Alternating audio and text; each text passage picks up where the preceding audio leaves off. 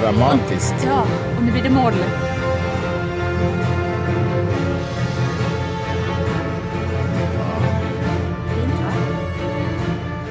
Blev det moll där? Ja. Alltså det var knappt jag uppfattade det för att det är så otroligt liksom mycket rytm, trum, bum, så. Ja, jag, Vad är det för något? Det är Simmer såklart. Jag brukar ju tycka om att kalla den sortens musik som Simmer har gjort för någon sorts ljudgrafik nästan. Ja, det är en bra beskrivning. Visst är det det? Ja. Jag tar åt mig hela äran för den. Ljudgrafik, ja det var, det var väldigt bra. En annan sak som jag är stolt över, som jag också vill hävda att jag har hittat på, det är när jag, och det, nu blir jag nervös att någon annan har hittat på det också, att jag blir anklagad för att vara Plagiarist.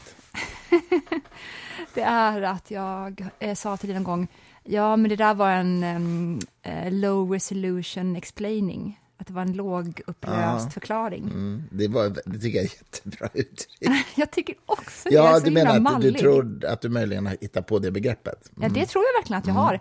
Men jag är rädd att någon annan också har gjort det och att någon känner igen det här från någon annan nu. Och då tänker de Ja, just det. att jag inte Det är ju så med i idévärlden att, att det verkar ju vara så att vissa idéer, liksom när tiden är mogen, så uppstår på flera ställen samtidigt, oberoende. Så är det i alla fall i vetenskapshistorien. Mm. Att idéer dyker upp samtidigt. Vad tror du jag kommer säga nu? Ah, gud, nu, nu kommer Vad din... vad har du tänt nu för något? Nu kommer en lång litania om, om uh, arketyper och, och liksom kollektiva... Jung, ja, precis. Kollektiva omedvetna. Ja, det ante mig. Det ante Gud, mig. why did I bring this Ja, up? precis. Den där rant som nu väntar dig. Alla, alla som lyssnar bara stänger av nu och Christer går och tar ett glas själv istället. Nej, jag Ska jag sitter- sitta här och... Jag sitter kvar och tar ett glas, för det här var ett väldigt vackert rosa champagne du har hällt. Idag Vad är det för något? vi ehm, en Tattlinger mm, rosé faktiskt. Mhm. Lägg också gärna märke till att jag sa det eh, franska eh, ordet eller namnet väldigt, väldigt fort för att ingen skulle höra att jag inte egentligen begriper hur man ska uttala det. Det är lika gott ändå. Skål! Vilken tur! Skål älskling! Skål. Det är fredag. Hur mår du? Mm. Berätta lite grann för oss. Berätta hur du mår. Nej, jag, mår, jag mår bra, jag är lite trött idag. Eh, intensiv dag igår. Vi hade en bokrelease om försvarsvilja, en bok som heter Ryska krigsskepp dra åt helvete, som är en antologi. titel. Antologi eh, på temat försvarsvilja sett Mm. ur många olika perspektiv. Psykologiska, militäriska, statsvetenskapliga och ja, personliga och så vidare. Eh, ett samarbete med Myndigheten för psykologiskt försvar och försvar. Så vi hade en bokrelease på Försvarshögskolan, det var roligt. Mm, jag var med faktiskt. Du var med och lyssnade på det seminariet. Ehm, Vi kom in sent, så vi fick gå en så här skampromenad inför hela publiken av militärer och journalister och sätta oss längst fram medan alla tittade på oss. Då låg vi, låg vi stressat, kan jag säga. Det påminner mig om en, en, en, ett, ett minne. Har jag, du får verkligen säga om jag har berättat här i podden förut, men Mm. när jag reste till Falu folkmusiksfestival med Åsa Ginder. Falu koppargruva, tror du. Folkmusiksfestival med Åsa Ginder, min gamle vän Åsa Ginder. Ja. Har jag berättat om det? Ja, det har du faktiskt tyvärr. I podden? Ja, men det är så himla roligt så jag vill att du ska dra det igen. Ja. Jag tror att Har jag berättat det i podden? Är du säker på det? jag är helt säker. Du gjorde det i, i poddens linda. Ja, men eh, berätta gärna lite grann bara. Nej, men det är jättekort i sådana fall. Nej, men, eh, Åsa som är en kär gammal vän sen jag var ung eh, eh, hade skrivit eh, ett musikstycke som skulle uruppföras i, i domkyrkan i Falun. Och det var på en sån här folkmusiksfestival då. Och eh, hon hade då brevväxlat ett tag med någon kille som var stor beundrare till henne som artist alltså.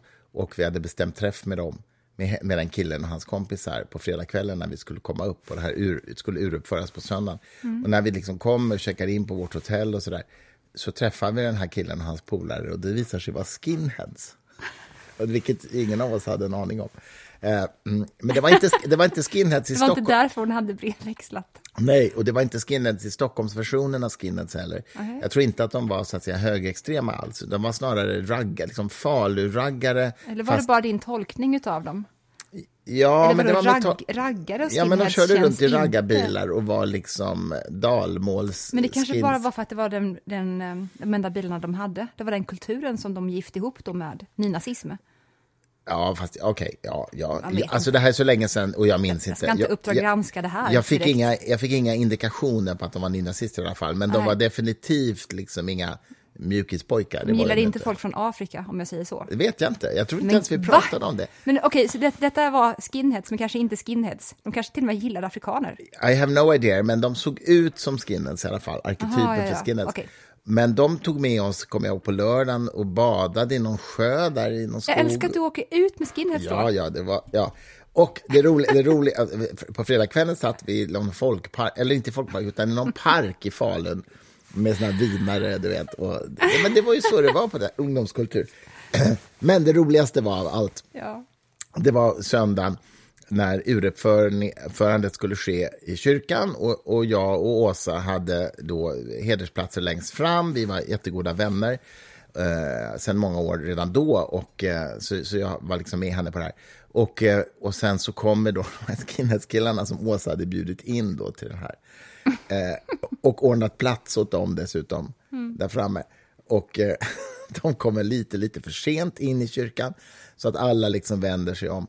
Och, och man ser ju på vad folk tänkte när de här killarna kommer in. Jag såg ju på den tiden ut, ja, ungefär som jag gör nu, långhårig, ring i örat, jag hade någon skinnpaj på mig. Alla tänkte så här, ja, de där killarna är ju förstås inte Åsas vänner. Det måste ju vara den där långhåriga killen hon har med sig. Det är hans kompisar såklart. Tänkte. Vilket ju inte var sant, så att säga. Ja, ja, det är bara ett roligt minne. Så här bisarrt minne. jätte, jätteabsurt. Ja, gud. Ni som har följt oss i podden har alltså fått höra det för andra gången nu, men så dåligt är mitt minne. Älskling, det är de flestas. Ja, bra. Ja, vi är väl inne på avsnitt 37 nu, så att det är inte Mm. så så, lätt att veta vad man har sagt i podden och vad man har sagt utanför podden. Nej. Men det blir så många saker som, jag, som min hjärna springer iväg på utav det du berättar. Ehm, en grej är ju verkligen det här med försvarsvilja. Mm. nu fick vi uppdrag igår att vi skulle prata med den som vi satt bredvid, att prata om på vilket vis ens egna eventuella då försvarsvilja Mm. yttrar sig. Och ehm, du känner ju mig, så att jag som Du älskar... vill ju ha en armé. Ja. Jag vet, du är besatt av Napoleon och vill ha en egen armé. Så att Mm. dig, du skulle nog inte ens få komma in vid militären, för du skulle ju vara en loose cannon. som, inga, som man inte kan styra. Jag skulle vara en sån krigshetsare, en sån Ja, galning. som, Som, typ å- s- starta en statskupp med en Ja. egen armé. Som, vad hette han, Mishima, hette han det, den japanska författaren som ville återupprätta samurajväldet. Och som sen, sen misslyckades då med sin planerade statskupp och begick harakiri Ja. från en, inför massa folk på en balkong. Det tycker jag är nobelt gjort. Jag, Mm. jag tycker det är helt rimligt. Jag måste, märker jag, eh, hålla i min skenande uppspelthet över att vi ens pratar om det här och också ha ett öga på hur betraktas jag utav det som lyssnarna nu får veta utav dig, om inte det har framgått nog tidigare hur tokig jag Mm. Det är. tar det nog i och för sig, Ja. men okej. Jag sa ju till och med till dig flera gånger under föreläsningarna, nu vill jag gå upp och prata. Ja, igår ja, Ja. på Försvarshögskolan. Ja, ja, och jag, Mm. det, hemska är ju också att jag tror att jag hade gjort det jättebra. Ja, det tror jag också att du hade gjort. Jag var hade nästan gjort det förvånad. Att, att du inte gjorde det. Men... Att, att inte jag på en bokrelease som inte har med min bok att göra går upp inför främmande militärer och, och journalister och börjar prata om sund nationalism och Jag förväntar mig vad som helst från dig, så att jag hade inte blivit Nej, inte jätteför- vad som helst. Nej, inte vad som helst. Jag skojar lite. Jag skojar lite. Efter det hade jag ju ett jättespännande möte som jag faktiskt inte får prata om nu, så det kan vi inte göra. Eh, Men, men eh, det kommer i vår att hända spännande saker i, i, det, i medielandskapet med spännande ämnen. Men det är faktiskt hemligt än så länge. Mm. Men sen gick vi ut och käkade och drack gott med goda vänner igår kväll, vilket med var Morgan jättemysigt. och Emily. Det kan, Morgan och Emily, jag har ja, ja, visst. outat dem redan. Gud vad vi hade kul. Vi Ja, men pratade så, jättekul. och vi var på bar på Blasieholmen. Mm. Som jag älskar. Det var ganska för, eh, oroväckande lite folk där. Så att alla ni som är i Stockholm eller ska besöka Stockholm, Skaldjursrestaurangen bar som ligger bakom Grand Hotel är en underbar plats faktiskt. Mm, det är fint. det är så himla... Alltså det, det vad heter det, mm, dåraktiga självförtroendet man har när man sitter med goda vänner och beställer ett glas i taget. Ett Istället glas för en champagne. flaska, Ja men gud! För man Ja. tänker att jag kommer inte dricka mer sen. Ja, det och sen dumt. så till slut så ser man Det ju är att oekonomiskt det är framförallt. så himla oekonomiskt. Mm. Och han som serverar oss, man såg till slut hur han bara log åt idiotin. Att vi fortsatte att beställa glas. alltså herregud. Ja, ja, det är inte så smart. Nej, det är det inte. Eh, Men det var jättemysigt. Eh, Morgan Emily gifte sig ju på nyårsafton och eh, har varit i, i eh, Paris och på en liten bröllopsresa och eh, berättade mysiga minnen från det. Det var kul. Mm, det var väldigt mysigt. Så det fick vi höra om. Vi höra om. Nej, så, så, så lite, lite så här trött är jag idag. Vi ska ju, du och jag ska ju se eh, Händelser vid, vid vatten, har vi bestämt eftermiddagen ikväll. Mm, verkligen. Alltså Kerstin Ekmans roman som är filmatiserad nu av SVT. Jag är väldigt glad för det. Jag tror ju att eh, Kerstin Ekman är en väldigt svår typ egentligen. Tror du det? Jag är lite rädd för henne. Ja, jag vet att hon och Schotten är väldigt goda vänner. Vem är det? Maria Schottenius. Jag eh, vet att hon lever med sin man på landet och deras hund och sådär. Mhm. Hoppade jag av Svenska Akademin 89-88. I Salman- Ja, tillsammans med Rushdie. Lars Gyllensten. Precis. När, eh, säger man Rushdie eller Rushdie? Salman Rushdie, tror jag. Rushdie, ja, precis. Som presenterades för mig för allra första gången när jag såg honom göra en stand-in som sig själv i Bridget Jones dagbok. Han är för rolig, alltså. Jag tror att han är, ja precis, han är, jag tror att han är två ytterligheter. Jag tror att han är det djupaste, mest insiktsfulla som eh, går runt i ett par skor. Mm. Men jag tror också att han är det ytligaste, mest kändiskåta som också Ja, går runt och en womanizer, tror jag han är. Du, har du sett hans exfru hon Ja, ser ja, ja, jag vet. Har du googlat på henne? Ja, jag, nej, men jag har sett bilder på dem Okej, alla du får inte googla på henne mer i alla fall. Det ska du ha klart för dig. Indiska. Mm. Ja, jo, jo, jag vet. Jag vet. Fruktansvärt snygg. Ja, ja, just det. Ja. Nej, men det är väl, det är väl eh, alltså, det, Mm. det, det, det väl höll jag på att säga. Det, Väl bekomme, vad betyder det? men vad alltså, du det unnar jag honom gärna. Ja, men hon, de skildes ju sen. Ja, ja, men jag hon- unnade det honom gärna under tiden i alla fall. Alltså, Nej, men eh, Kerstin Ekman Nej, och... jag vill, ni vill Ja, bara stanna lite, lite till. Rushdie, ja. De skilde sig för att hon inte ville mm, ha sex med honom mer. Mhm. Och hon berättade i sina biografier. Och att eh, hon berättade om att hon har väldigt problem med endometrios. Och att han inte trodde på det. Okej. Han var så här, nej det är bara att du inte vill ha mig. Så var det. Jag, Nej, men, det är jättehemskt. ja. Mm. Ehm, jag läste ju faktiskt Salman Rushdies memoarer som heter Josef Anton, heter de väl? Det var i alla fall det namnet han använde som pseudonym. Mm. Jag, jag, jag, jag kan inte min Rushdie, jag är jättedålig. Jag har inte Ja. läst någonting av honom. Inte ens Satansverserna. Och nu försöker jag komma ihåg. Det var sammansatt av två stora författarnamn. Som jag nu, vad heter han som skrev Mörkrets hjärta? Ja, Josef Conrad. just det. Det är i alla fall, därifrån tog han Josef. Mm. Och Anton, vilken författare heter Anton i efternamn? Var det efternamn? Eller det förnamn. kanske inte vara. Som är stor Ja, ni lyssnare är ju oftast mycket smartare än vi. Ni kan ju bara skicka in om ni vet Mm. Jag det. har ju vetat det här, men jag är så jävla glömsk. Mm. Eh, ah, ehm, I vilket fall som helst, han tog två liksom, stora världsförfattarnamn och satte ihop dem till sin pseudonym eh, som han levde med. Under, Mm. Anton LaVey kanske? Nej, Skojar. satanistkyrkans grundare. Nej, det var det inte, kan jag tala om. Men det är en jättebra me- memoar, faktiskt. Är det det? Ja, ja, jag läste den från perm till perm. Och det är Mm. en riktigt, riktigt bra memoar om hur, hur så att säga, kulturetablissemanget och alla andra förhöll sig till hans eh, fatwa och hans situation. Ja. Och jag tycker verkligen det som hedrar Kerstin Ekman och Lars Gyllensten, som då var ständig sekreterare i, i Svenska Akademin, det var ju att de lämnade akademin i protest mot att akademin inte ville ta ställning, göra ett uttalande till eh, Rushdies försvar, så att säga. Ja. Ja. Eh, vilket jag tycker är en stor, stor, stor skandal. Men Lars Gyllensten har jag bekantat mig med lite mer på sista tiden därför att min gode vän sedan 20 år, 15 år i alla fall, eh, PC Jersild, också stor, fantastisk författare.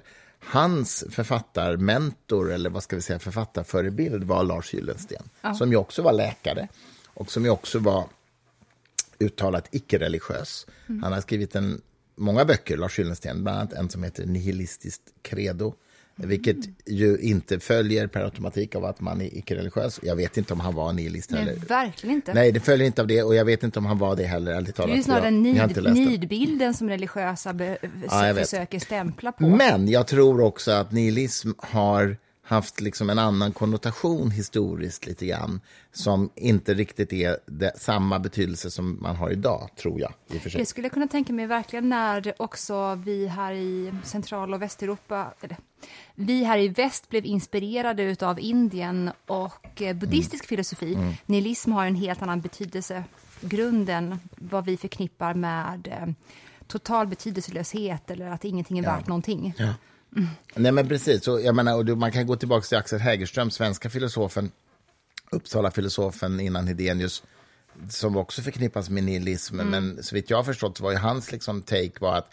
det finns inte objektiva moraliska värden. Exakt. Men det betyder ju inte att han tycker att vad som helst är okej, så att säga. Det är Precis en helt så. annan sak. Så Precis det så. Mm. är liksom en metafysisk diskussion. Och jag tror att man på den tiden kunde med nihilism mena just det, att man hade en metafysisk uppfattning om att det inte finns objektiva moraliska värden. Mm. Men däremot så kan man ju ha, så att säga, eh, mer eller mindre starka eh, över, överenskommelser som gör att man bör agera på ett moraliskt rätt sätt i alla fall. Ja, precis. Men vad Gyllensten stod vet jag inte, men han har i alla fall skrivit en bok, liten bok som heter Nihilistisk credo som jag just fick hem från ett antikvariat idag faktiskt. Jag vill bara tillägga att det behöver inte vara en metafysisk diskussion, utan det kan ju för den delen också ha att göra med evolutionär biologi till exempel. Exakt, man kan tänka att det, är, att det är evolutionärt kodat, ja. Men ändå metafysiskt inte är en slags objektiv Mm. ontologisk eh, existens. Exakt, så det finns ju väldigt många aspekter på det. Och där tror jag att nihilism har haft liksom lite olika betydelser. Och sen har det använts som ett rött skynke Ja. av så här Jordan B. Peterson-människor. Ja, och som ett skällsord. Och, Precis, och kolla hur det gick för Sovjet eh, ifall man tar bort religionen. Ja, då blir det nihilism och kommunism på en sekund Ja. ungefär. Ja, ja exakt. exakt. Ja, I vilket fall som helst, Lars Gyllensten verkar ha varit en spännande person. Jag beställde också hans memoarer som heter Minnen, bara minnen. Kanske inte så rolig titel. Det var inte det, jag fick lust att lägga ut en bild på den boken och skriva, var det verkligen inte minnen? Eller, Ja, den lär, jag har inte ens öppnat den, men den lär vara rolig också därför att han är väldigt skoningslös mot folk han inte tycker om. Han liksom ger sig på folk han inte gillar också. Men han verkar ha varit en häftig person, alltså. Läkare och författare och eh, en riktigt bildad människa. Liksom. ja, ja, ja. Och som sagt blev alltså ledamot i akademin och ständig sekreterare. Han blev ständig sekreterare Ja. alltså. Jag, måste, jag vet inte ens hur han ser ut. Nej. Men jag ser väldigt mycket fram emot den podden som du ska göra med PC. Ja, Peter Gjerskild kommer vara gäst i min Fri Tanke-podd här om ett par veckor. Och då, då har min ambition i alla fall att göra riktigt lång samtal med honom om hela hans liv och författargärning. Och liksom, det, han har så mycket att berätta. Han är ju en äldre man idag, så att det finns liksom en lång livshistoria att berätta om. Ja. Han är den som jag har stött på som älskar Hilary Mantel lika mycket som jag älskar henne. Mm, Just det. Och vi, han körde verkligen ner de här böckerna om franska revolutionen i mina händer. Att Vi var på bara, hans eh, sommarhus på Gotland, ja. Ja, Precis. precis. Och jag hade bara gett mig på Wolf Hall och hela den serien om Thomas Cromwell, men eh, inte gått längre. Och de här böckerna som hon har skrivit om franska revolutionen är storartad litteratur. Mm. Och jag grät som ett barn när hon dog. Jag börjar gråta när jag Mm. tänker på det nu också. det var bokmässan och jag satt i en taxi på väg eh, från mässan till vårt hotellrum. Och då så såg jag i telefonen att hon var död. Och jag grät och jag grät. Mm. Jag minns det. Ja, fruktansvärt. Jag älskar henne. Ja, Jag har inte läst henne, men hon verkar ha varit en häftig författare. Hon, hon berättade ju, apropå det som PC sa till oss om att författare antingen ser eller hör när de skriver. För att Hillary berättar ju i intervjuer hur hon en dag blev uppsökt av Thomas Cromwell. Att någon kom och viskade i hennes öra. Och hur eh, hon tänkte, vad är det här? Och hon bara hörde den här rösten som fortsatte berätta. Och till slut så var det så mycket här, det väckte så mycket påverkan i henne. Hon kunde inte förbise den. Så att hon till slut förstod att jag har ett ansvar faktiskt att börja skriva ner vad som berättas för mig. Och jag tror verkligen att det funkar så. Jag, jag som då är djupt inspirerad och influerad av Jung tror ju verkligen att den största delen av oss, delen utav oss människor består utav det bortom personliga. Eh, Det egenupplevda är bara en liten, liten del av oss. Det betyder inte att jag tror att man kan förflytta sig i tid och rum. Det är något helt annat. Ja, ja. Men det vi besitter inom oss är någonting alldeles enormt. Och det enda som jaget kan försöka göra det är att parera och kanalisera och systematisera materialet som dyker upp i vårt medvetande. Ja, det är ju, väl, det är ju verkligen en jungiansk så att säga, attityd. Ja, det är jagets uppgift. Mm. Men jaget är verkligen inte herre på täppan. Det försöker mm. snarare då hantera det här materialet på ett så produktivt sätt som möjligt. För att ifall den inte gör det, eller om inte det gör det, jaget alltså, så blir det väldigt lätt att vi innebos av destruktiva krafter. Men tror du att den här nu, vad ska vi säga, gryningen för forskning på psykedelika skulle kunna bidra till att reda ut det där, så att säga? Alltså att psykedeliska nu menar jag inte psykedelika som medicin mot depression, utan jag menar psykedelika som en slags medvetandevidgande resa. Mm. Att det skulle kunna bidra till att titta på vad som finns bortom jaget. Man talar ju om att man kan få jagupplösning nästan om man tar en, en psykedelisk tripp som är tillräckligt stark. så att säga. Mm. Mm. Eh, tror du att, tror du så att, säga, att det kan, de verktygen skulle kunna hjälpa oss att få syn på det, det som Jung pratar om? Jag tror att i bästa fall så kan psykedelika göra att vi börjar ställa nya sorters frågor. Mm. Eh, I värsta fall mm. Så börjar vi sen söka svar som påminner om de gamla systemen. Mm. Det är inget bra. Nya frågor, krä, nya frågor kräver också helt nya, nya sätt att besvara dem på. Mm. Eh, för att halvvägs kommet är de nya frågorna. Mm. Men ifall man försöker svara på dem på det gamla sättet så är inte det så bra heller. Nej, uh, det är sant.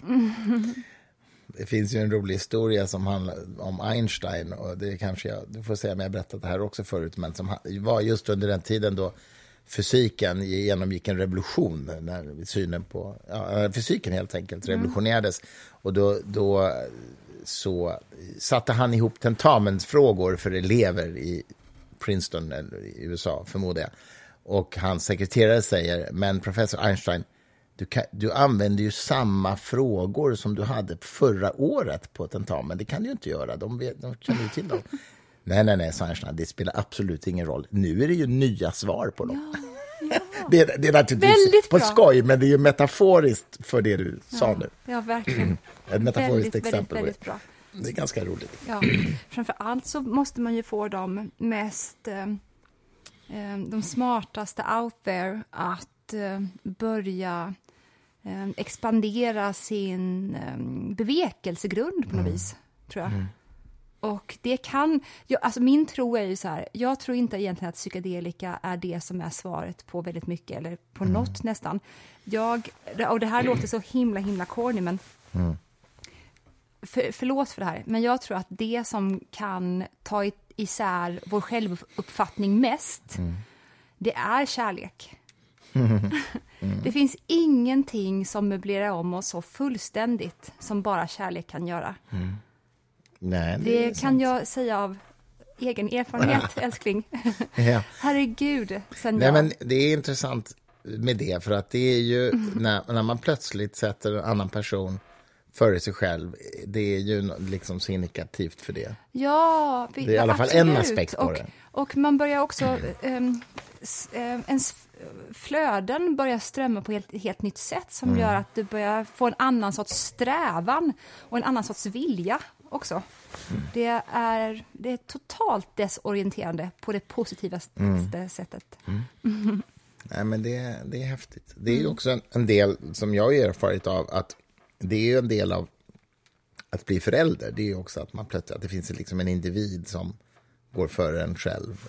Det är en annan variant på det, men det finns också släktskap i det tror jag. Mm, absolut. Uh, vilket är rätt häftigt. Apropå något helt annat, eh, apropå vårt seminarium vi var på igår, så träffade vi ju eh, min gamla bekanta Ulla Gudmundsson, som ju var Sveriges ambassadör i Vatikanen under ett antal år. Och det var lite kul mm. att prata med henne.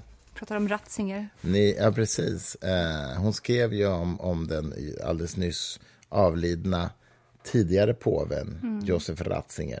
Ja. Benedictus. Skrev hon en understreckare i Svenska Dagbladet häromdagen. Mm. Och... Eh, oj, och um, eh, men hon, hon, är, hon är spännande. Hon har verkligen levt nära Vatikanen under många år som ambassadör och har ganska mycket kunskap Det vore om det kul att göra en podd med henne. Ja, det, ja good Faktiskt. point. Good point. Det ska jag faktiskt göra. Gör det. Jag har så många frågor också som du kan ställa åt mig. Ja, eller så gör vi en ihop med henne kanske. Ja, jättegärna. Hon kan vara gäst. Eh, jag tror att hade Ratzinger gått bort strax efter att han avgick som påve, då hade hans eftermäle sett helt annorlunda ut från eh, hur det ser ut idag. För att nu har alla på något vis smält eller glömt hela hans icke-hantering av pedofilskandalerna.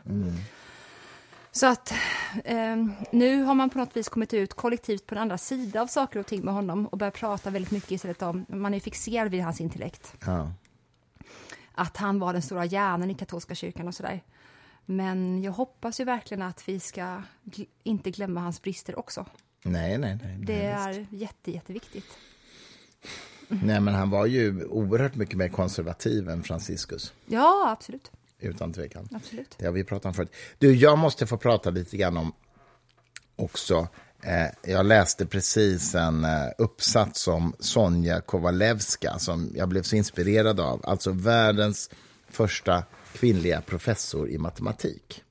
Innan du gör det, ska inte jag bara fylla på lite mer champagne? För de, du ser hur små de här glasen var. Mm. Ja, ja, de var ju jätte, det var ju pygméglas. Alltså. dockhusglas. Ja, det är Varför har vi sådana små glas? Får jag bara berätta en rolig sak först innan du gör det? Mm. Och det är att jag är så glad idag, för att idag blev det klart, och det här tror jag nog att jag kan berätta om, för det är väl ingen hemlighet, att vi ska ge ut den här stora biografin om Oppenheimer. Eh, ja, som, som, som alltså en amerikansk biografi och som ligger till grund för Christopher Nolans kommande film om Hör Oppenheimer. ni, hör ni där ute? Det är så kul. va? Och Den kommer vi alltså ut på svenska nu och det blev klart eh, i beslut idag. Eh, och denna fantastiska person som ju liksom var en... Den he- biografin heter An American Prometheus, vilket är ett jävligt bra namn också. Ja. Vi måste verkligen fundera på vad vi ska ha för svensk titel på det. Samma. Pro, en, En amerikansk Prometheus. Ja, det måste man nästan, alltså, för det är för bra för att liksom byta. bra. Men han var ju liksom kompis med Niels Bohr och Einstein och alla liksom de här. Mm. Och, och samtidigt så spelade en central roll i, i atombombsprojektet. Så han har liksom Dött verkligen bidragit både med mörka och ljusa saker i Och precis, utvecklingen. Men eh, Prometheus, varför kallas han för det? Minns du historien om Prometheus? Ah, ah, ja, men det var väl att han... Oh, herregud, han flög för nära solen. Och, nej, nej, det hjälpte mig. det är Ikaros. Jaha. Eh, Prometheus, det. Prometheus är den som stal, enligt grekisk mytologi, stal elden från gudarna. Ah. Så att vi själva kunde bära den här livskraften. Och det är ju det som Oppenheimer gör när han då utvecklar atombomben. Det är att han lägger det i människans händer om vi ska överleva eller dö som art.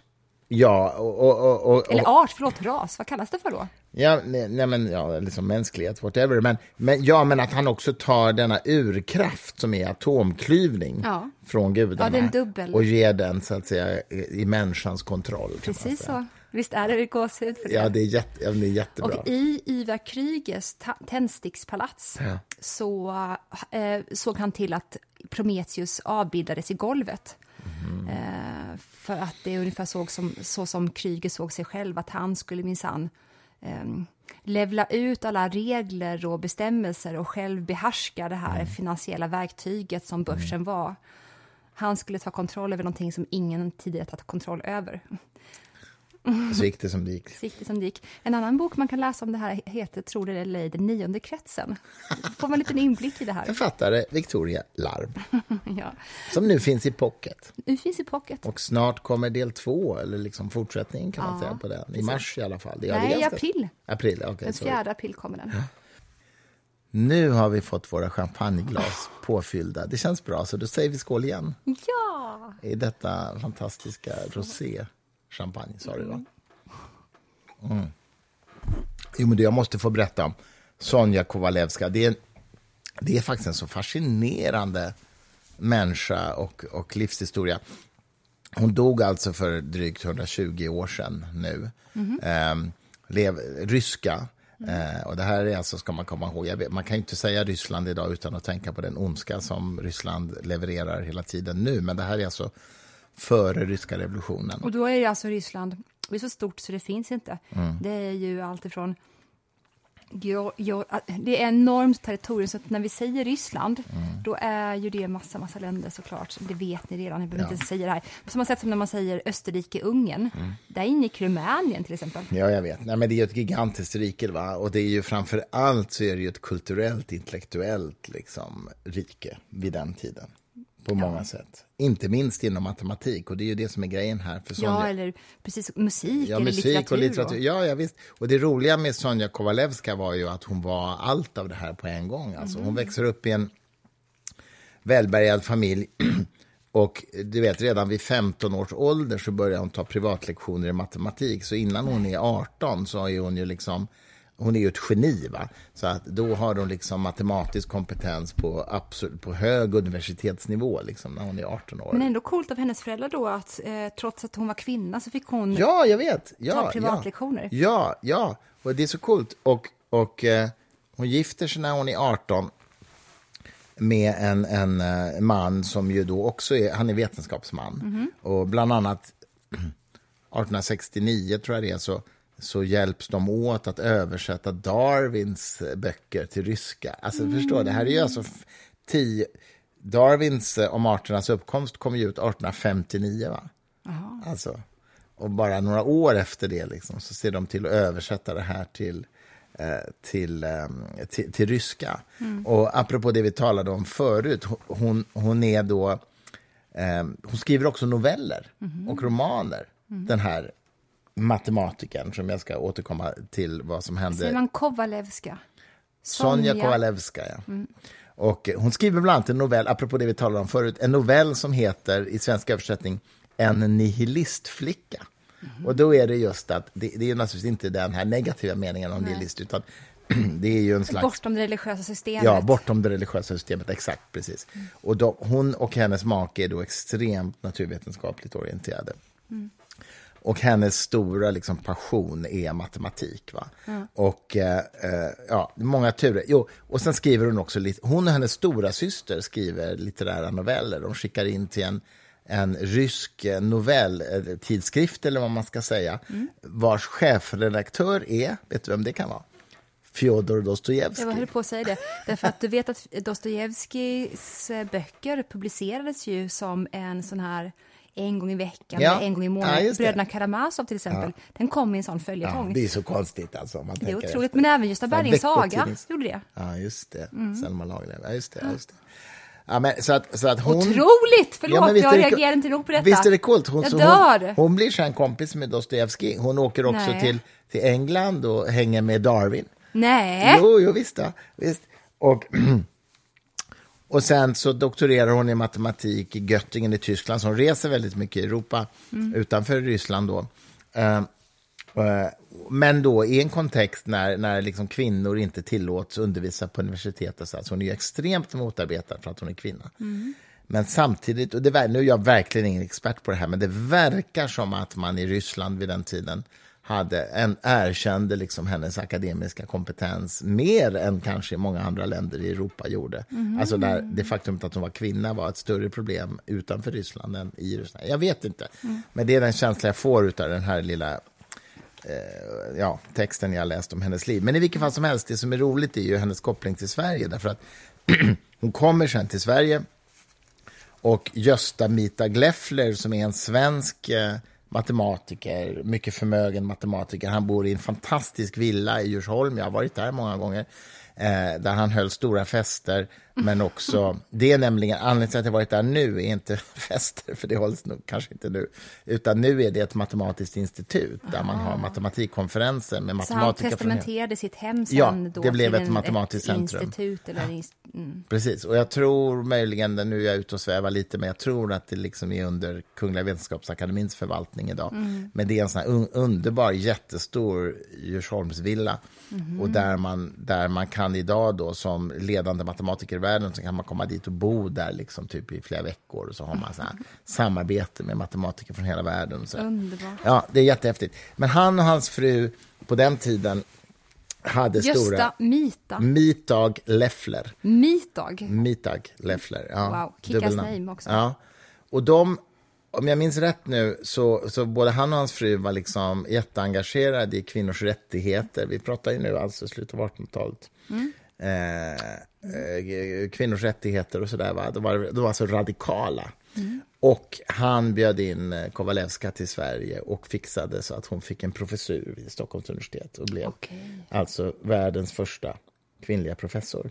Aha. Och han försökte också få henne att bli accepterad som ledamot i Kungliga Vetenskapsakademin, vilket de sa nej till, för det gick ju inte att ha kvinnor där.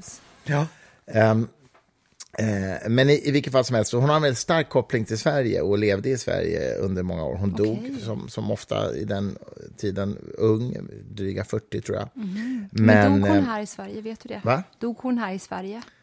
Ja, ja, det tror jag. Hon är i alla fall begravd i Sverige. Eh, hon känns som en sån som absolut ligger på norra kyrkogården. Ja, men, ja, men det, jag tror att det stämmer. Det är så himla sjukt, för att alla de som är någonting som jag någonsin har beundrat, ja. de ligger på norra kyrkogården. Ja. Så det räcker att jag bara hör om någon som är fantastisk, då vet jag från den tiden, så ligger de på norra. Norra begravningsplatsen nära Karolinska Jajamensan. institutet, där är hon begravd. Det, det stämmer. stämmer. Vad sjukt det stämmer. Mm. Eh, och, eh, men det som är också kul är att hon, eftersom hon var så jävla begåvad så lärde hon, så, hon ju sig svenska och hon ägnade sig åt att vid sidan om sin matematikforskning så recenserade hon svensk litteratur mm. i olika fora. Bland annat Strindberg som hon höjde till skyarna som författare trots att han motarbetade hennes vetenskapliga karriär. Så gör en sann intellektuell. Ja, jag vet. Det man, är så tar, häftigt. man tar inte någons eventuella misogyni eller Nej. personliga angrepp Nej. som ett skäl för att sen då sticka hål på den personens Nej. konst. Ja. Men... För konsten måste alltid vara fri och stå för sig själv. Ja. Ja, Om den sen har kommit ur från någon som är en ett douchebag. Man måste hålla isär det där. Nej, men eh, det, det det, det tycks Om man är gjort, intellektuell alltså. så måste man faktiskt göra det. Hon var också nära vän med Ellen Key. Ellen mm. Key har skrivit ganska mycket om Kowalenska. Bland ja. annat en grej som jag måste citera, för jag tycker det är så, det är så charmigt. Ja. Eh, Ellen Key skriver alltså att Sonja Kowalenska kämpade mycket mot fördomen att matematiken var en sån torr vetenskap. Torr och liksom mekanisk. Mm. Och... Mm, och då, då, skriver Ellen Key då om, om Sonja Kovalevska att hon, att hon motsatte sig den här definitionen av att det var så torrt. Hon, att hon sa att den äkta matematiken, det var minsann den minst torra av alla vetenskaper.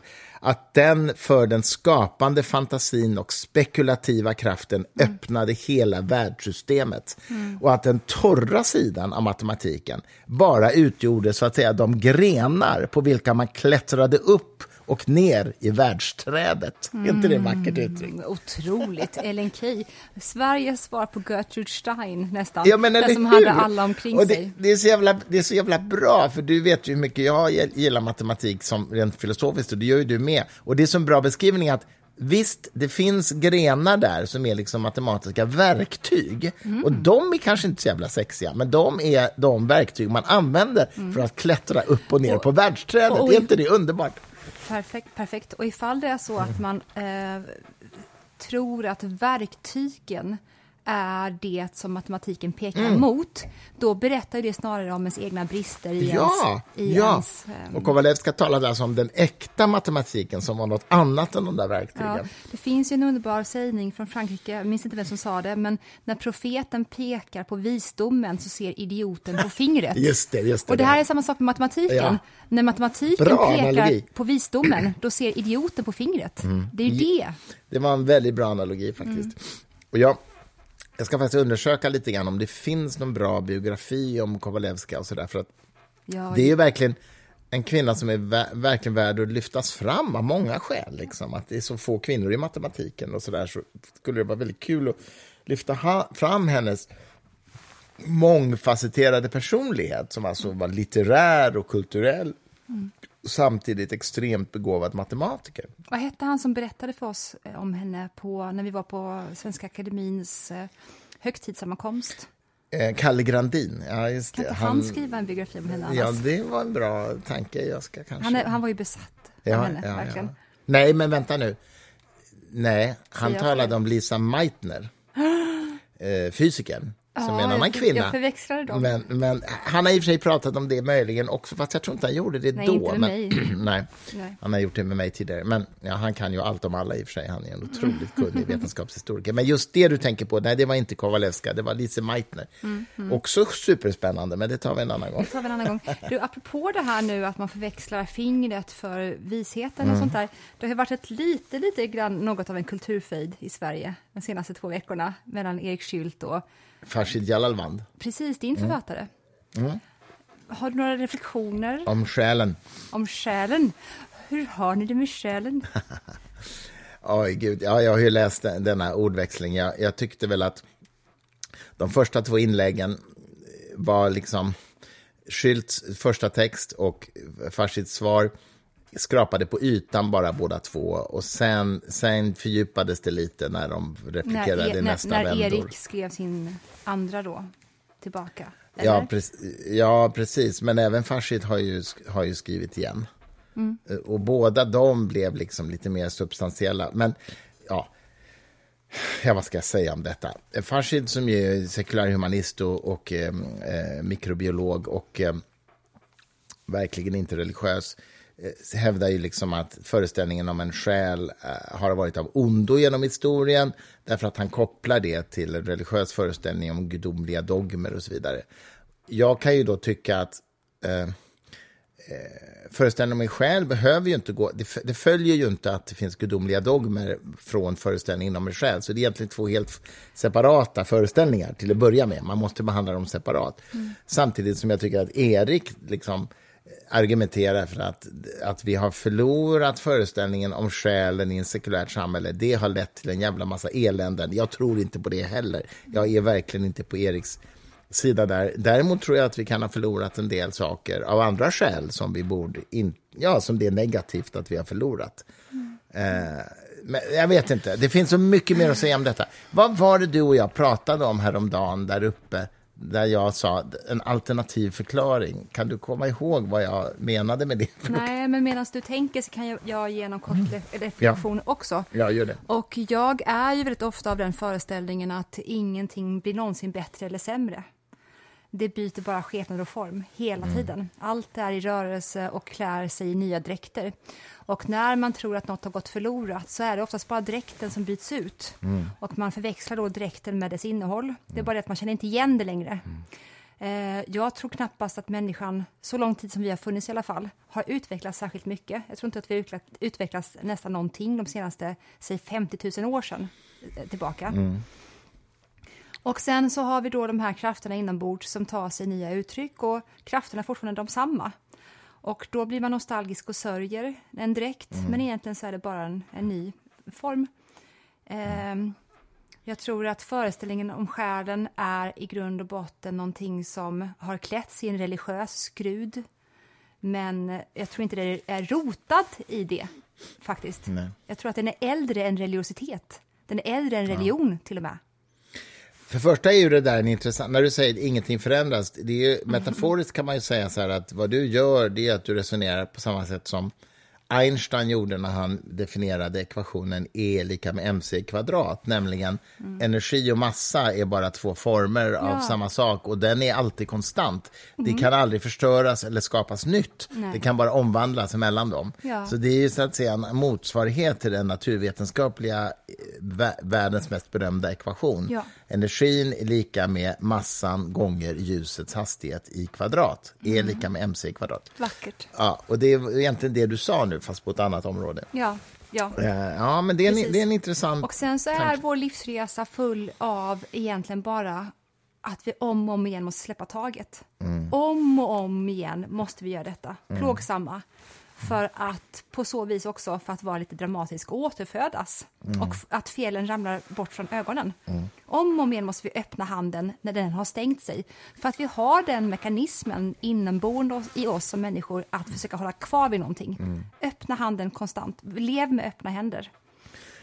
Nej, men, ja, nej, men precis. Det är ju en väldigt, ja, det är väldigt klokt. Mm, Och jag tror att jag kom på också vad jag rotade efter i mitt minne nu. Och det, min alternativa förklaring, det vad jag upplevde att Erik försökte hävda i sin första artikel, men inte så mycket kanske i den andra, jag, jag, minns inte nu exakt. det var ju liksom det här ganska vanliga sägningen att ja, när vi har blivit sekulariserade och mer, mindre religiösa, då har vi blivit mer självupptagna, mer individualistiska och, och konsumistiska och bla bla bla. Mm. Ungefär som att det skulle vara en konsekvens av det. Jag tror inte på den hypotesen. Jag tror att jag håller med om att det finns en individualism och konsumism och en inte vet jag, självupptagenhet som är negativ. Men jag tror inte att det beror på att vi har förlorat religion. Utan jag tror att religion och dagens konsumism och new age-trenderna som nu sprids, eh, astrologi eller vad fan du vill, är uttryck för samma sak, nämligen människans narcissistiska grundhållning. Mm -mm. Jag läste nyligen en, en, en psykologisk studie som hade, har den roliga titeln Even the stars think I'm superior. Och det är helt enkelt en forskningsstudie i korrelationen mellan tilltron till astrologi och narcissism. Och där man helt enkelt visar ett statistiskt samband mellan benägenheten att tro att astrologi är på riktigt och ha en narcissistisk personlighet. Och jag skulle nog då hävda, det här är väl eh, lite, höll jag på att svära i kyrkan, men att även traditionella religioner handlar också om att sätta sig själv i centrum. Jag är sedd av Gud, jag är utvald, människan är utvald, vi har en central plats i universum. Mm. Det är klart att det finns ett narcissistiskt drag i det där. Ja, om du, ja jag vet inte. Ja, förlåt, jag avbröt. Ja, nej, men det, det, så tänker jag i alla fall. Och då talar jag om traditionella religiösa föreställningar om ja. utvaldheten. Och, vänta, och, och, och samtidigt så ser vi nu en samhällsutveckling som förvisso är sekulär, men som bejakar dels en del new age-grejer som jag tycker också är narcissistiska, men också en konsumistisk individualism liksom där var och en ser om sitt eller där liksom ja, blir... Som vi alltid har gjort. Herregud, ja, men that's my point. Jag menar att fast, det är olika former för ja, samma sak. jag måste verkligen säga, när du pratar om traditionell religiositet, mm då känner inte jag överhuvudtaget igen detta, för att ifall du ska prata om traditionell religiositet, då är det ju snarare att det finns ingen individuell frälsning. Förstår du innebörden i det extrema eh, påståendet? Ja, och, berätta. Det räcker inte att du lever ditt liv alldeles rätt för att mm. du ska bli frälst. Du räcker inte i ditt individuella, utan vi är en stor kollektiv grupp. Vi är alla en enda stor mänsklighet. Och det räcker inte att du ska bli frälst för att du lever rätt. Du bär ansvar för så många andra också. Det finns ingen individuell frälsning. Men, men alltså, det är ju inte vad frikyrkorna lär. Där handlar det om att... Nej, men nu pratar du om traditionell religiositet och då så vänder jag mig till det som jag kan och det är katolicismen. Där säger till och med påven Franciscus, okay. det finns ingen individuell frälsning. Ja, det, är, det är möjligt. Det är den största kyrkan i världen ändå. Mm. Så att jag vet inte hur muslimerna gör, eller hinduerna gör heller. Hinduerna kan jag ganska mycket om visserligen också, genom mitt eh, Advaita Vedanta mm, maniska beteende som jag hade för några år sedan. Och där är det verkligen så också att du finns inte ens som individ. Du existerar inte som individ. Mm, Okej, okay. men det är inte vad jag menar med traditionell religion. Men då kanske du ska ändra då hur du säger när du säger när traditionell religion, för att nu har jag tagit upp ändå hinduerna och mm. katolikerna. Ja. De är ganska okay. många tillsammans. Mm, ja, det är de naturligtvis. Uh, evangelikala kristendomen är ju, tror jag, den snabbast växande dock religionen i världen just nu. Ja. Och de är inte få i alla fall. Men strunt samma, jag, jag, vet inte hur många är med. Men jag vet att de var förvånansvärt det... få i USA när vi googlade på det någon gång. De, de, de, de var Ja, vi kan googla på det igen, men, mm. jag, jag, men evangelikal... jag, backar, jag, backar, inte upp dem, jag kan inget om dem ens. Nej. Men, men de finns i Sverige och de finns i Asien, växer snabbt i Asien, de växer snabbt i Afrika. Snabbt, och, det här kan ju du om statistik också, snabbt i jämförelse med vad? Ja, ja, nej det vet jag inte. Nej. Men okej, okay, vi struntar i hur många de är, men i alla fall evangelikal kristendom hävdar ju att du måste bli frälst, du måste liksom bli born again. Och du måste bli frälst och det är då som du kan, så att säga, eh, det, det, är då du får en relation med Jesus. Om du blir ja, frälst. och Jesus är, ja, okej. Okay.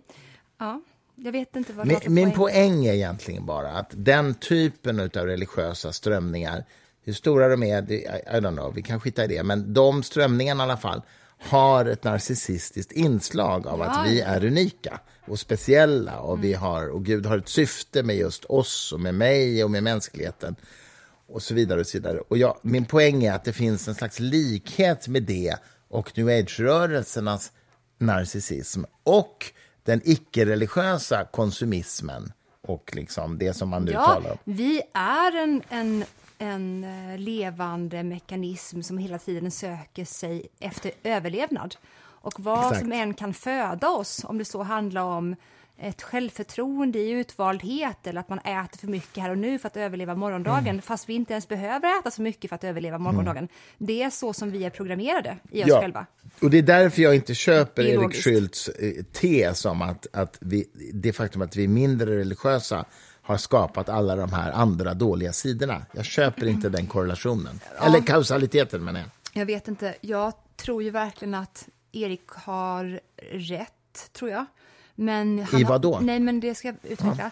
Jag tror att han har rätt, men jag tror inte att han har rätt under den tidsramen som han anger.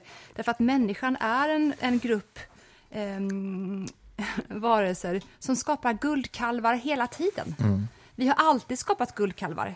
Om det så är i den sekulära åldern då vi använder oss av eh, astrologi eller new age, det är ju guldkalvar. Ja, ja. Men det har vi gjort forever. Men det är det jag säger. Nej, det är du- samma. ja, Same shit, men- different wrapping. Ja, men ja, absolut. Ehm, när, när du, förlåt, missförstod jag dig? Du sa att Erik trodde att det här är unikt för det sekulära. Nej, det jag, det jag menade är att Erik, som jag läste hans första artikel, menar att det faktumet att vi har blivit mindre religiösa har Ja. gett upphov till den här narcissistiska, liksom individualistiska rörelsen. Ja, det vet jag inte om han menade egentligen. Jag Okej. vet inte. Jag tror i alla fall inte nej, att det är så. Jag tolkade honom som att ehm, det sekulära som har kommit in under 60-talet och framåt Mm. i tiden, det ehm, skapar guldkalvar. Och det håller jag ju med om, men jag tror att vi alltid har skapat sådana. Ja, men då säger jag samma sak som du. Mhm. Därför att det gjorde man även i den religiösa kontexten. Man har till och med gjort guld, guldkalvar utav religion, enligt mig. Ja, Mm. ja men det är ju det, ja, exakt. Det är precis detta jag menar. Mm. Och därför finns det inte en kausalitet mellan att den förlorade religionen förstod- skapar de här problemen. Ni som inte förstod den gammaltestamentliga referensen så är det såklart guldkalven som alla har gjort när Moses kommer ner från berget med Ja. stentavlorna. Exakt, ja, exakt. Nej, men det, det är precis exakt så, så jag menar.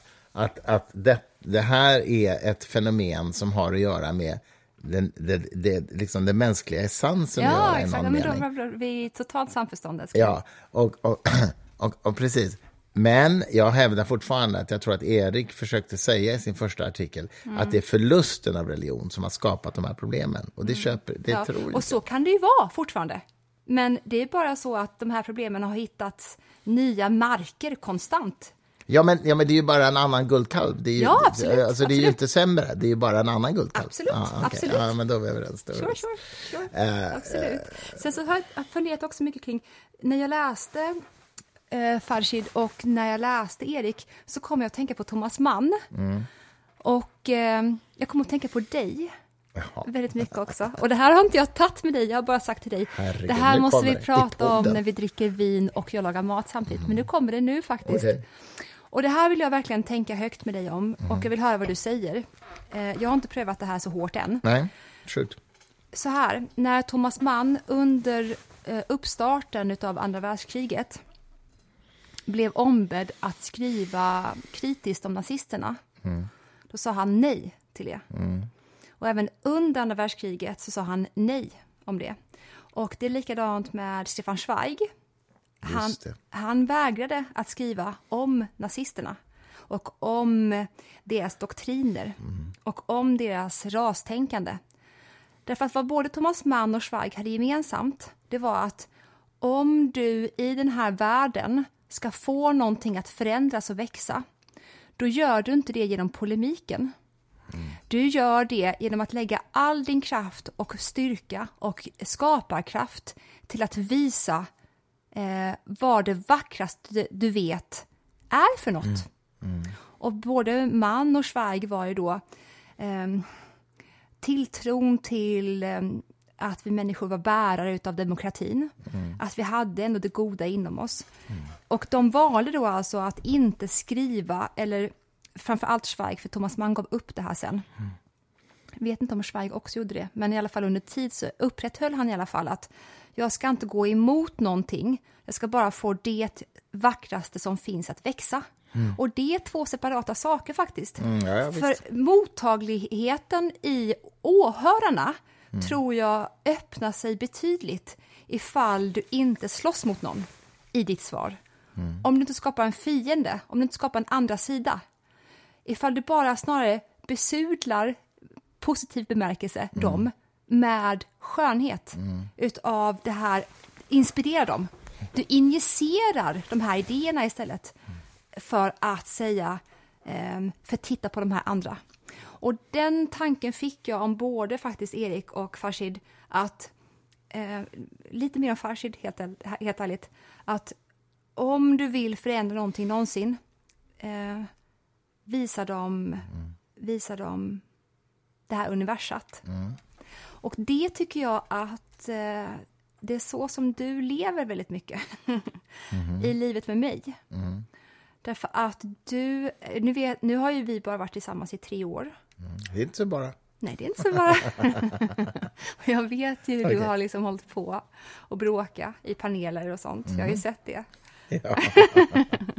Ja. Och du har liksom dragit ditt svärd och du har hi- hittat uttryck från Hitchens som du har använt och förfinat skulle jag säga. Sådär.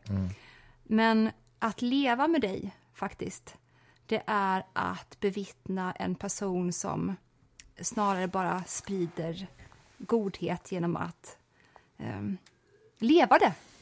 Det gör du. Det var gulligt sagt. Och här, jag, jag får bara, jag får bara. Mm. fortsätta en stund till. Det går bra.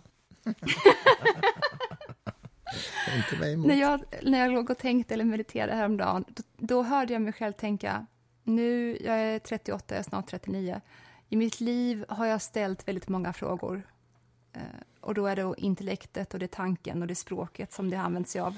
Och sen hörde jag mig, sig, mig själv svara, eh, ja, och nu ska du leva svaren. Och det är en skillnad i det. Att ställa frågor är en sak, men att leva svaren är någonting helt annat. Och vissa, de flesta stora frågorna går inte att svara på intellektuellt eller tankemässigt, utan de, går bara att leva ut.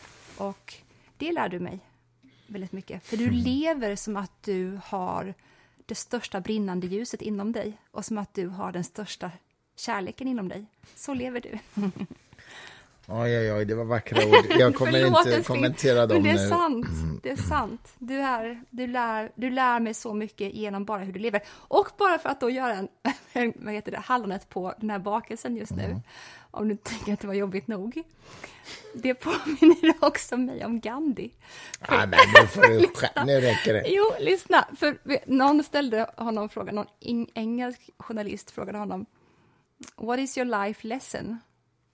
Och då svarade Gandhi eh, My life is my teaching. Det, går inte, det är inte någonting man svarar på. Det är hur jag har levt. Oh my god. Ja, nu, Axla upp det här, ja, Sturmark, ja, om du jag, kan. jag, jag, jag väljer att inte kommentera detta. Däremot kommer jag att tänka på, eftersom jag associerar så crazy, på Gandhis... Han gjorde sin första resa till USA och kom tillbaka till Indien efter detta, Mm. eh, denna resa. Och indiska journalister var ju förstås jättenyfikna och, och, och frågade Gandhi What do you think about the American civilization? Mm. Och Gandhi svarade underfundigt Yes, that would be a good idea. det är ganska roligt Det är väldigt bra. att de skaffade sig en civilisation alltså. Ja, nej, precis. Mm, det är jätte, jättebra. Ska man se, ben, se om Ben Kingsleys Ja, låt, ja, kan vi inte göra det? Det kan vi göra med. Leo. Gandhi-filmen. Absolut. Alltså min son, eh, 13 år. Det tror jag han är mogen för nu. Det gör vi. Ja. Gandhi-filmen. ja. Gud vad roligt, Ben Kingsley. Jag vill också ja. passa på att tipsa om, eh, jag lyssnar fortfarande eh, väldigt mycket på Advaita Vedanta och det finns ett center i New York. Det räcker att ni bara skriver i Youtube Advaita Vedanta och New York så kommer den här fantastiska swamin upp som föreläser om medvetandet och vad Atman är till skillnad från Brahman och vad jaget är. Så att alla de frågorna som mm, eventuellt ni lyssnare är intresserade av, för att vi kretsar kring dem om och om igen, svarar han på utmärkt, till skillnad från du och jag egentligen då. Då tänker jag osökt på His Divine Grace, Bhaktivedanta Swami Prabhupada, som är ju Hare Krishnas grundare. Jaha. Det är lite mer crazy, men Det är han jag lyssnar på faktiskt. nej, det är det inte. Skojar. Det är det inte. Jag är inte Hare Krishna. Än. Skojar. Men, Igen. men jag såg en dokumentär på SVT någonting nyligen om han som tog Hare Krishna till Sverige faktiskt. Nej. Jag hängde ju lite grann på Hare Krishnas restaurang i Sankt Eriksplan. Restaurang, så jävla otippat. Nej, men det, alltså det, jag har varit på deras center ute i Tog du Järna många också. dejter där? Nej, dejt. Jag har varit på fest med Nina Hagen. Där har jag varit. Har du? Ja. På, på, Det känns ändå inte otippat. Nej. Nej, men hon var ju skitcool och rätt, hon var rätt ball faktiskt på den tiden. Nu pratar vi om när jag var typ 17, 18, 19 möjligen var jag. Då var jag med Nina Hagen på Govindas som ligger vid Fridhemsplan. Ja. Eh, på, på ett party på kvällen. ja. Efter hennes konsert på Draken som ju var en eh, bio som hon hade konsert på. Ja, Alltså förlåt, förstå. Det här är ju ett tillfälle då åldersskillnaden märks mellan oss. För jag tänkte på Cecilia Hagen. Jaha, ja, jag hade jag också träffat, men inte i Älskar det henne. sammanhanget. Hon är ju mamma Nina till- Hagen var ju den här punk Ja, jag eh, behövde, behövde operasångerskan. googla. Eh, Cecilia Ja, Hagen är ju mamma till Jonathan Unge för övrigt. Jaha, Visste du inte det? Nej. Visste du att Jonathan Unge också är i rakt nedstigande led från Albert Släkt med- Bonniers? nej. Albert Bonnier menar jag. Han, han heter inte Bonniers. Älskling, vad ska vi äta Däremot ikväll?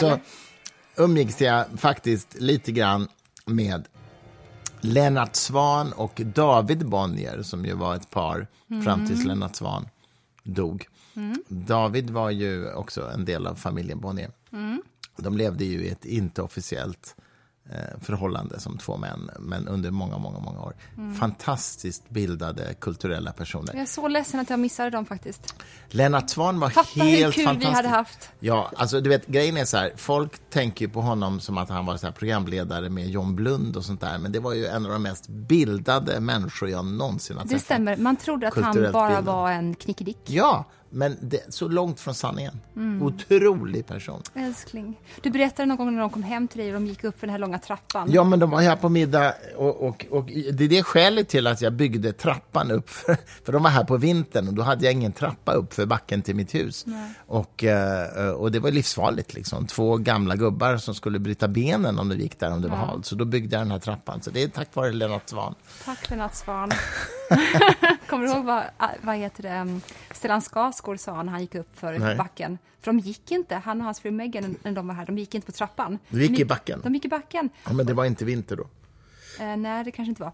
Men jag öppnade dörren och så sa jag, eh, ja, välkomna, vad jobbigt att ni behöver gå upp för den här backen till att börja med. Och då ropade han tillbaks, eh, det är ingen fara, hela livet har varit ännu värre. Nu ska vi äta räkor och hummer Mm, och vi. dricka lite mer champagne. Ja, det ska vi. Eh, och Fan, du härligt. avrundar med mm, lite musik. Vi har pratat i jag- över en timme Jag nu. vet, jättemysigt. Vet du att du har fått mig att börja svära jättemycket? Jag, jag svor ingenting. Och det är inte för att jag kommer från en religiös bakgrund, för det är jag inte. Mina föräldrar är superateister.